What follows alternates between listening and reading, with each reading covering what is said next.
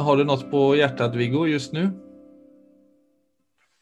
Vi har ju några grejer vi ska snacka om, men kanske det sker något spännande om vi bara startar med, med om det ligger något och lurar i, på ytan där. Ja, jeg har lyst til å snakke om uh, tid. Tid, ja. Ja. For at Ja. I mindfulness er det jo så mye oppmerksomhet på dette nuet.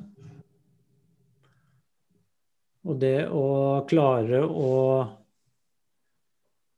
altså få sinnet til å holde seg der hvor livet faktisk skjer, som alltid er nå. Og hvordan vi har den hele tiden tendensen til å leve i egentlig lys av fortiden, men da selvfølgelig projisert inn i fremtiden. Sånn at vi får aldri Vi får aldri kontakt med den friskheten som er i øyeblikket. Men hvordan forholder vi oss til framtiden og dåtiden tenker du da? Hva skulle Viggo Munk-Viggo si, vil jeg på si? Det som er litt interessant å reflektere over der, det er eh, altså fordi at den store forskjellen, eh, vil jeg si, da, i min erfaring Jeg har jo levd både som munk og nå som eh, Altså altså i det karrieresamfunnet som vi alle lever i i den vestlige verden. Den største forskjellen er jo nettopp det at du skal ikke prestere noe.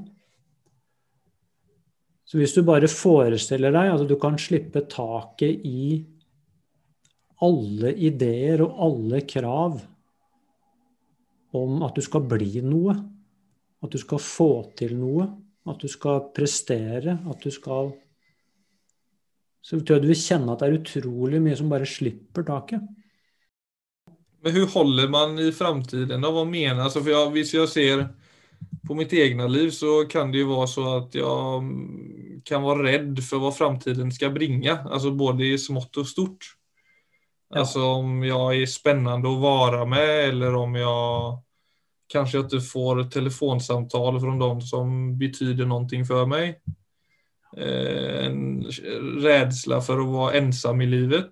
Alltså den listan är ju oändlig om man väl liksom startar i de spåren. Så Ja. framtiden sånn sett betyder ju väldigt mycket för oss. Ja, Det påverkar ju vår dag i väldigt stor grad. absolutt.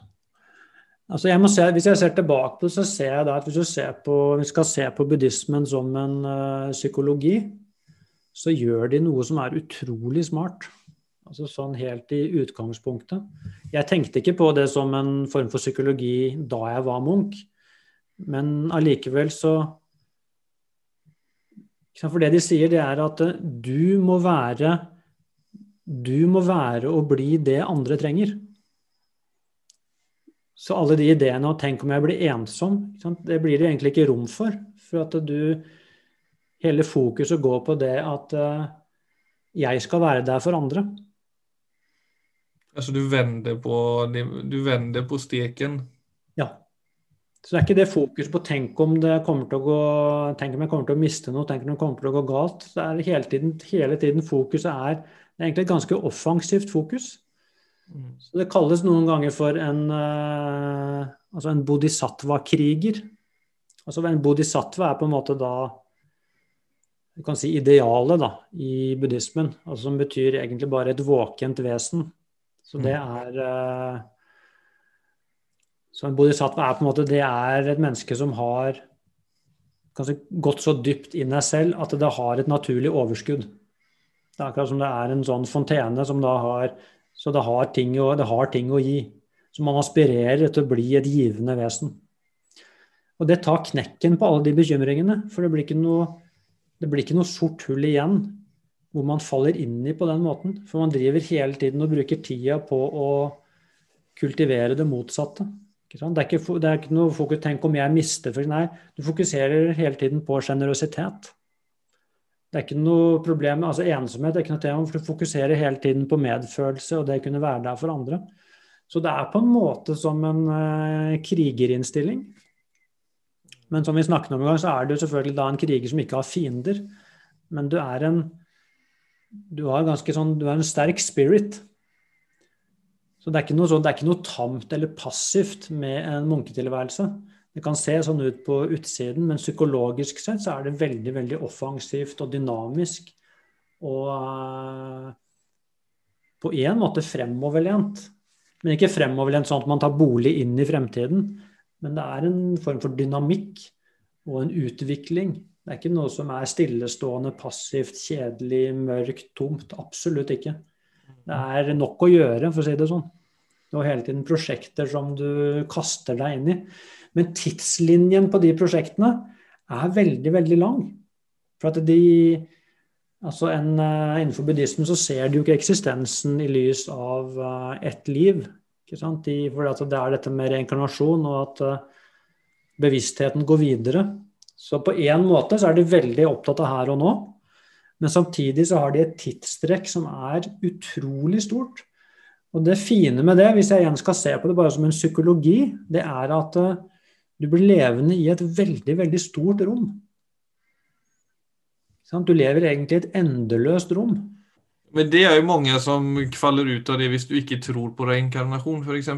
Altså der ja, nå, er det jo, du, du, må jo kunne hengi deg en sånn type livsåskådning for at det skal gi mening for deg. da. Absolutt. Nå, men nå svarer jeg, siden du spurte meg om dette med munketilværelsen, så svarer jeg egentlig bare fra det. Hvor, men det er derfor nok det blir ja. så annerledes. For at du får, du vet Mye av problemet i dag det er at vi får veldig snevre perspektiver. Både på oss selv og på eksistensen, og også på tiden. Det er akkurat som om det er utrolig viktig hva som skjer de neste fem Ja, det er det jeg tenkte si. Du blir liksom oppslukt i hver ny sak som skjer. Ja, Nå må det skje noe spesielt dette året, ellers er det krise. Det er klart, Da har man, eh, da har man gjort livet til gambling. Da kan man like gjerne dra til Las Vegas og og prøve å få lykken på ruletten. Ja. Det, det gjør, du, du, kan bare se det blir du, det, Ting settes så på spissen. Mens du vet, som vi også har snakket om, det er så mye ved livet som ikke vi har kontroll på. Så hvis man prøver at livet mitt må bli sånn, eller jeg må bli sånn, eller jeg må få til det og det, så er det klart at man, uh, man blir veldig sårbar. For det, da begynner man Det er så mange av de elementene som man ikke har full styring på. Det, Men vil du påstå at det er en uh, Altså, for jeg tenker det du starke, snakker jo litt om det der med liksom en sterk spirit. Og vi er jo litt sånn tømda i Vesten på mening. Altså, vi har jo vært litt inne på det der. Det å, det å liksom ha en kjensle av at du hengir deg til et større eh, ändamål. Ja. Om det nå før i tiden var jo det Gud for mange. Eh, men det kan jo være en kollektiv innsats for miljøet, det kan være liksom i en firma etc. etc. Men den følelsen av å tilhøre og bidra for et kollektiv Da. Eller for at du kjenner at ditt, ditt, det er så mye fokus på ditt private liv. Men du har liksom en tilhørighet til et større endemål. Da. Ja. Jeg tror, altså de, hvis jeg skal gå tilbake til buddhisme et øyeblikk, da, så sier de at uh, Altså sånn uh, Altså hvis du må anstrenge deg for din fysiske overlevelse, så, de, så finnes stort sett ikke psykisk lidelse. For da har du et prosjekt. Og prosjektet ditt er overlevelse. Så vil du se at det, så, det er veldig sjelden at man får problemer med mening, eller at man får depresjoner eller sånne ting da, for man har det er ikke tid til, rett og slett. Mm. Mens det øyeblikket den fysiske overlevelsen din er sikret, så kommer jo ofte det neste, som er de psykiske lidelsene. Og det vil jeg nok si er der vi er i Vesten i dag. Igjen, sjekk det ut med deg selv. eller se på Med en gang du har et prosjekt som er større enn deg selv, så vil du se rent psykologisk sett, så, så er det noe som løsner. Men det er klart det er ikke bare å velge et sånt prosjekt, for det må man jo selvfølgelig føle helhjerta. Så det er nok der mange sliter, at det er kanskje ikke noen prosjekter som man føler nok for i dag. Og dermed så blir det sånn, hvis, Men hvis det da bare er Nå skal jeg sørge for meningsholdet for meg, dag ut og dag inn, så blir det jo fort eh, ganske stort maskineri å skulle være ansvarlig for. Mens med en gang du kjemper for en større sak, så vil du se det at spiller ikke så stor rolle hvordan jeg har det fra dag til dag. om humøret må gå litt opp eller ned, om jeg, om jeg lykkes eller mislykkes. Altså det er sånn, ja ja. For jeg kan hele tiden vende oppmerksomheten mot Men altså det spiller ikke en stor rolle, for det er noe annet som er viktigere, som jeg, som jeg kan fokusere på, som jeg kan investere energien min. Så det er klart, rent psykologisk så er det veldig gunstig å, å ha noen sånne ting. Så selvsentrering og selv, overdreven selvfokus er på en måte en kjempe eh, eh hva, skal man, hva, skal man, si En kjempe eh, dårlig løsning på det. ja, det vil, det vil, jeg jo påstå er helt Egentlig helt opplagt. Det er eh, altså oppskriften på Men er det, vil du også si at det er grunnen til den store liksom, psykologiske og mentale på en måte påfrestningen som mange mennesker har i dag? Ja, det vil jeg, liksom, jeg vil, jeg Alt fokus har gått fra et kollektivt fokus til, i Vesten i hvert fall, at man eh, holder liksom de meste mot seg selv jeg vil, jeg vil, si det. Altså Helt grunnleggende så vil jeg si at da er du egentlig ved den grunnleggende årsaken. Og så tar det da utrolig mange forskjellige former.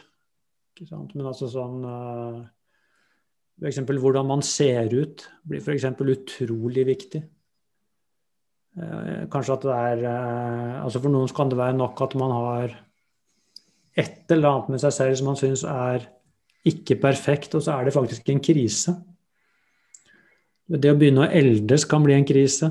Det å ikke få en forfremmelse på jobben. Så det blir Og det, det er ikke det at de tingene Jeg kan ikke si at de tingene ikke er viktige, men altså når det blir det viktigste, så blir du bare veldig, veldig sårbar. Ja, og det er jo mange tjejer og kvinner som opplever veldig det der med å få liksom Ja, at utseendet endrer seg, og det syns jeg er så den overdrevne fokusen på det, den syns jeg er så skev og så problematisk. At så mange tjejer stresser over det at utseendet endrer seg, og at man får rynker, og at det liksom skal være noe negativt då. Och hvis jag, alltså ska jag säga vad jag menar så ja, altså Hva som er attraktivt hos en kvinne, så er det själv, alltså ting som egentlig kommer av eh, eller med åren. altså Selvrespekt og kunnskap og integritet. altså Det er det som er attraktivt, og det skiner jo gjennom hvilken rynke som helst. Ja, det, det syns jeg er et veldig godt eksempel på altså på hvor, hvor det tar oss hen. Altså når det blir for stort fokus på Altså på hver og en av oss. For det blir til og med små endringer som faktisk er helt naturgitte. Til og med de kan bli til katastrofer. Fordi at alt fokuset går på altså meg. Og det kan jo være da, Hvis det går på da meg og mitt utseende, så blir man jo enda mer sårbar. For det, det går jo stort sett bare nedover. Altså etter hvert, eh, Nå er jeg blitt 50, det man etter hvert begynner å oppdage, er at alt begynner å henge. Hvis du kunne sett inni kroppen, så ville du sett at alt begynner å henge der òg. Og det får man ikke gjort noe med. Nei. Så vi, vi, har jo kommet så langt nå at det er utrolig mange naturlige ting som vi alle vet er naturlige. Det er naturgitt. Som vi faktisk gjør til problemer. Fordi vi skaper idealer som vi helst skal leve innunder. Og de idealene har jo ingenting med naturen å gjøre. Det har ikke egentlig noe med oss å gjøre. Men så fort de får forrang for oss, og vi begynner å fokusere på de og begynner å sammenligne oss med det, så har vi Egentlig så går all livskvalitet ut bakdøra. Og så blir man sikker på at eh, livskvaliteten ligger på å få det riktig i forhold til idealet, istedenfor å se at det er noe galt med hele utgangspunktet her.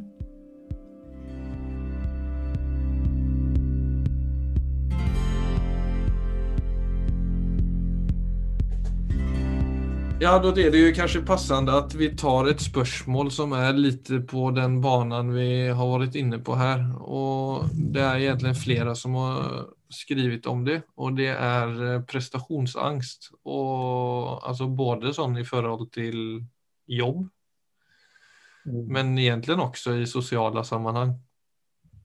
Som ja. ju kanske går in lite i social angst då, men det å Ja, hur ska man liksom hantera det på best mulig måte? Ja, det På en måte så går det rett inn i det vi allerede har snakket om i dag. Helt sånn grunnleggende sett så går det jo på dette med eh, For det første det all, dette med tid. At man har, legger ideer inn i fremtid. Mm. På, I prestasjonsangst vil det alltid være en eller annen idé om at noe må bli på en spesiell måte. Og la oss si sånn er prestasjon, så går det jo på min prestasjon. Jeg må få til noe på en spesiell måte i fremtiden, ellers Ellers er det krise. Ja. ja og hvis du bare kan, ja.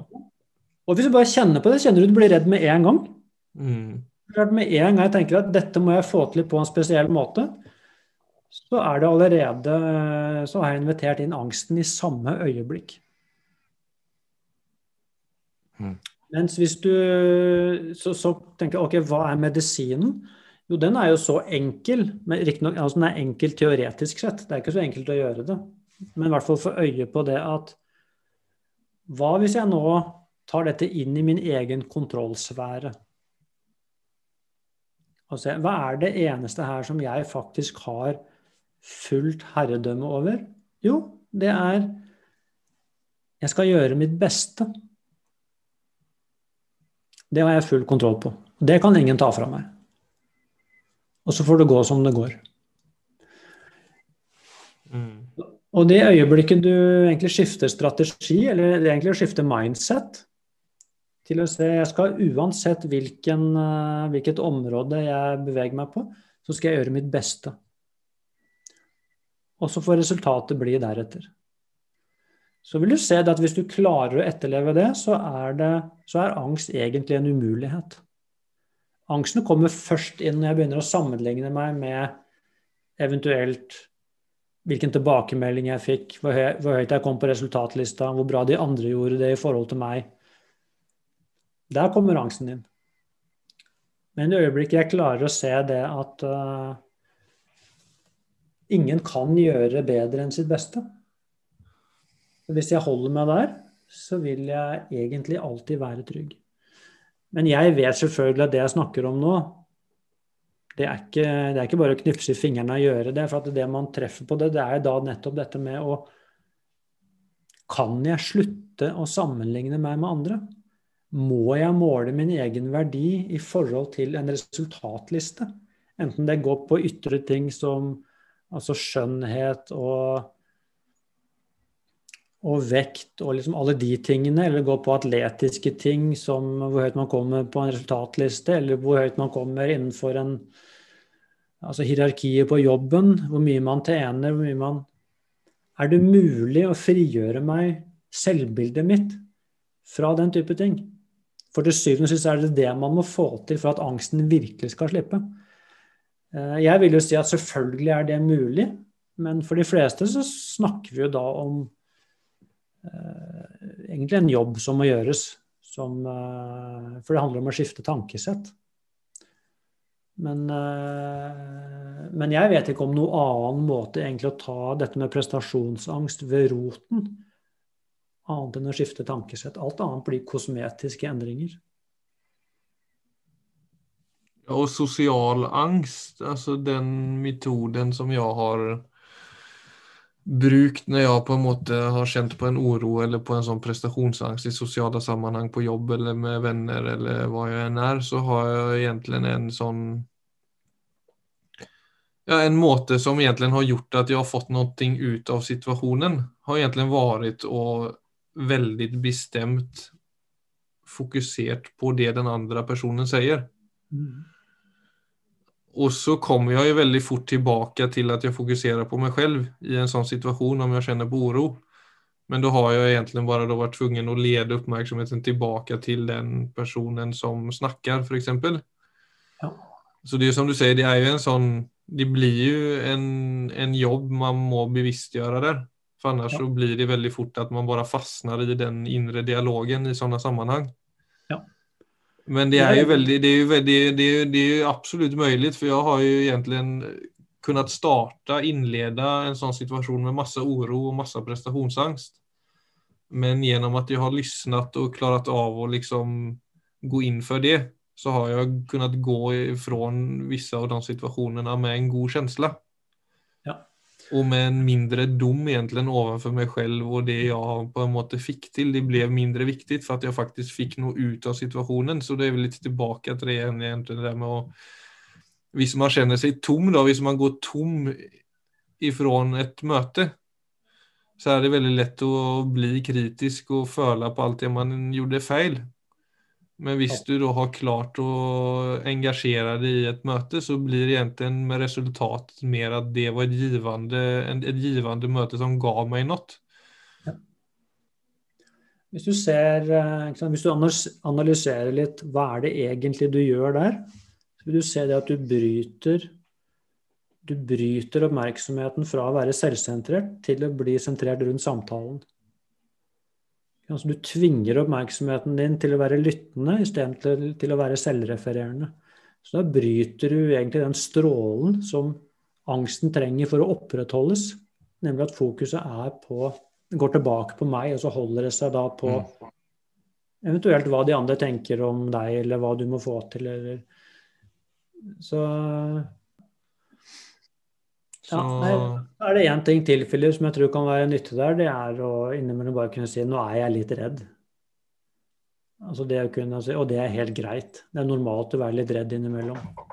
Og det å klare da å nesten bare puste litt inn i frykten, og samtidig som man da prøver å bryte ut av, så er ikke noe det er også ganske viktig. Det er, ikke noe, det er helt normalt å faktisk bli litt nervøs i sosiale sammenhenger. Altså De fleste mennesker opplever det. Så er det noe med å normalisere det si er ikke så big deal, jeg er bare litt redd. Og så kanskje klare La meg heller gå inn i samtalen igjen. Så det å tillate seg Ja, Mm. tillate seg å både være redd og Ja, det, men det tror jeg er veldig smart, for det er jo veldig fort gjort at man bare liksom gjør alt for å begrave den frykten òg. Ja. Det er sånn instinktivt at du liksom bare forsøker kvitte deg med den. Og da får vi et problem. For hvis jeg sier jeg skal, nå skal jeg helst ikke føle det jeg føler, hvor skal jeg gjøre meg av da? Så det er eh,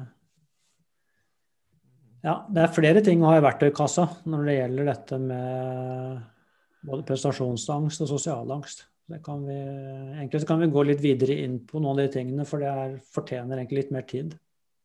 Ja, ja det, har- det präglade mitt liv en stor period så jeg hoppas at eh, jeg kan plocka fram noe som kan være til en liten hjelp i alle fall. Ja, Nei, men La oss gå litt videre på det under senere episoder. Ja, det låter bra. Da takker vi for i dag, og så sier vi hei så lenge.